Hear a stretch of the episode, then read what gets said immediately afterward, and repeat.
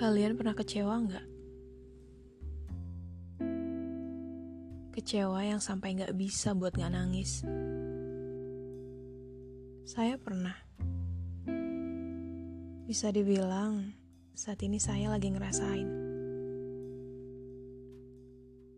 Ngerasa di mana saya sulit untuk memberi maaf. Terlebih untuk percaya lagi. Kalau setiap dengar suara dia.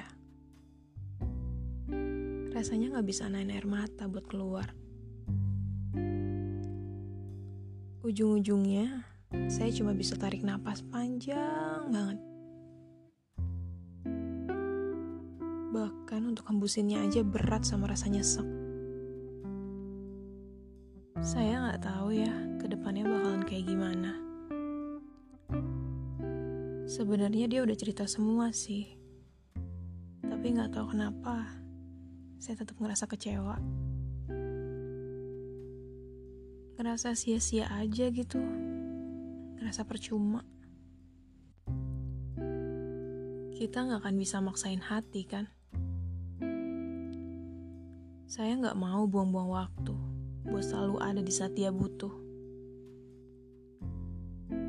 Bukan karena saya udah gak sayang,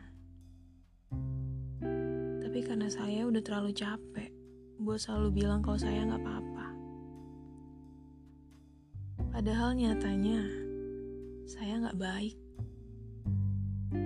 Sekarang saya nggak mau bohongin hati terus. Saya pengen jujur sama keadaan. Saya pengen sayang sama diri saya sendiri.